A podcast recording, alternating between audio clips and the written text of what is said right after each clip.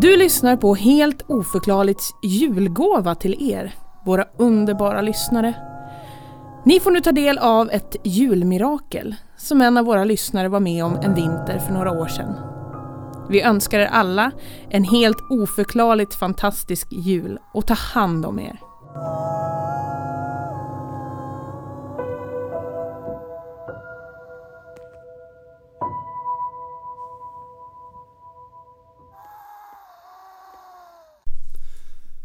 Jag tror att jag mötte en ängel. Det finns säkerligen en logisk förklaring men jag tror att jag mötte en ängel. Jag bodde på den tiden högst upp i en vindsvåning i ett gammalt lägenhetshus. Jag fick sällan oväntade besök av exempelvis försäljare och liknande eftersom vår entrédörr ofta var låst samt att huset låg lite avsides från stan. Den här dagen låg jag i min säng och vilade upp mig efter ett nattpass när det knackade på min dörr. Jag låg kvar i sängen och ignorerade knackandet. Ingen visste att jag var hemma och alla mina vänner var antingen på jobb eller skola. Knackandet upphörde dock inte utan fortsatte lika envist. Jag smög ut i hallen och tittade genom titthålet på dörren. Utanför dörren stod en kort och ung flicka som jag aldrig tidigare sett förut. I famnen höll hon ett stort fång av röda rosor, vilket i sig var mycket märkligt. Jag funderade en stund om jag skulle fortsätta ignorera knackandet och återlägga mig i sängen men bestämde mig för att ändå öppna dörren.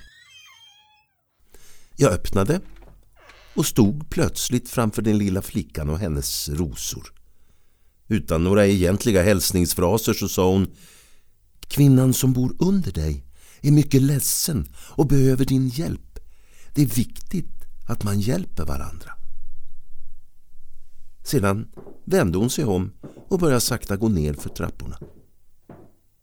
Jag stod kvar i dörröppningen som ett stort frågetecken utan att egentligen ha sagt något till svar.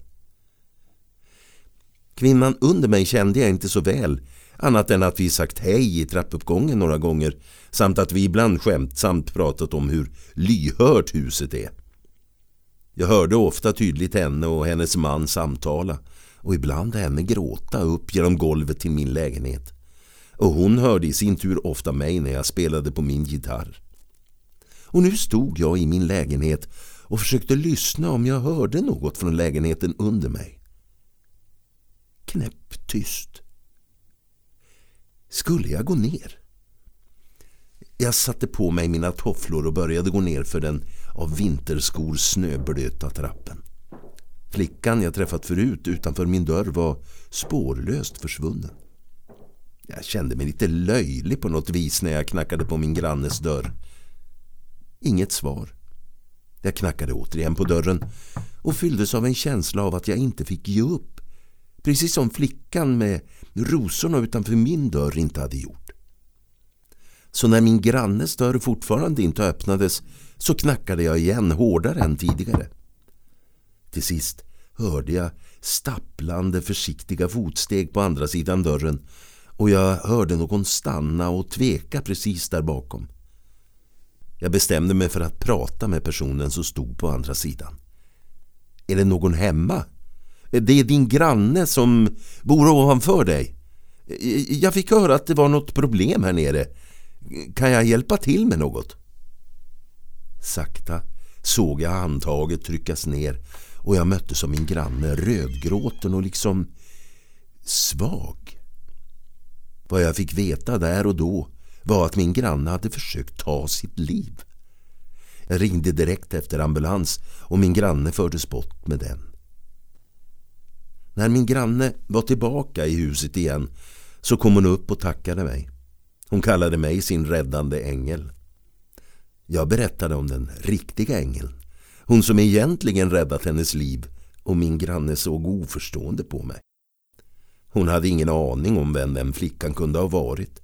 Hon hade i alla fall inte knackat på min grannes dörr den dagen. Bara på min.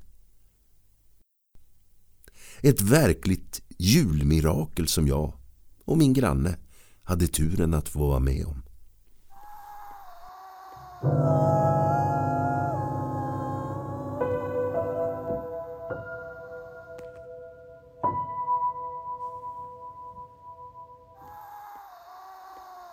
Jul, jul, strålande jul, glans över vid skogar. Himmelens kronor med gnistrande ljus. Glimmande bågar i alla Guds hus. Psalm som är sjungen från tid till tid. Eviga längtan till ljus och frid. Jul, jul, strålande jul. Glans över vita skogar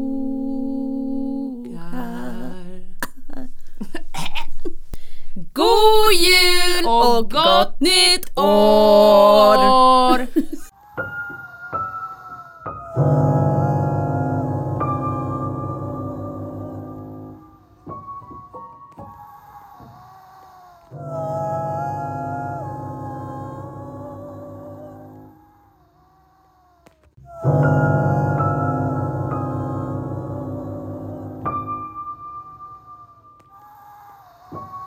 Oh.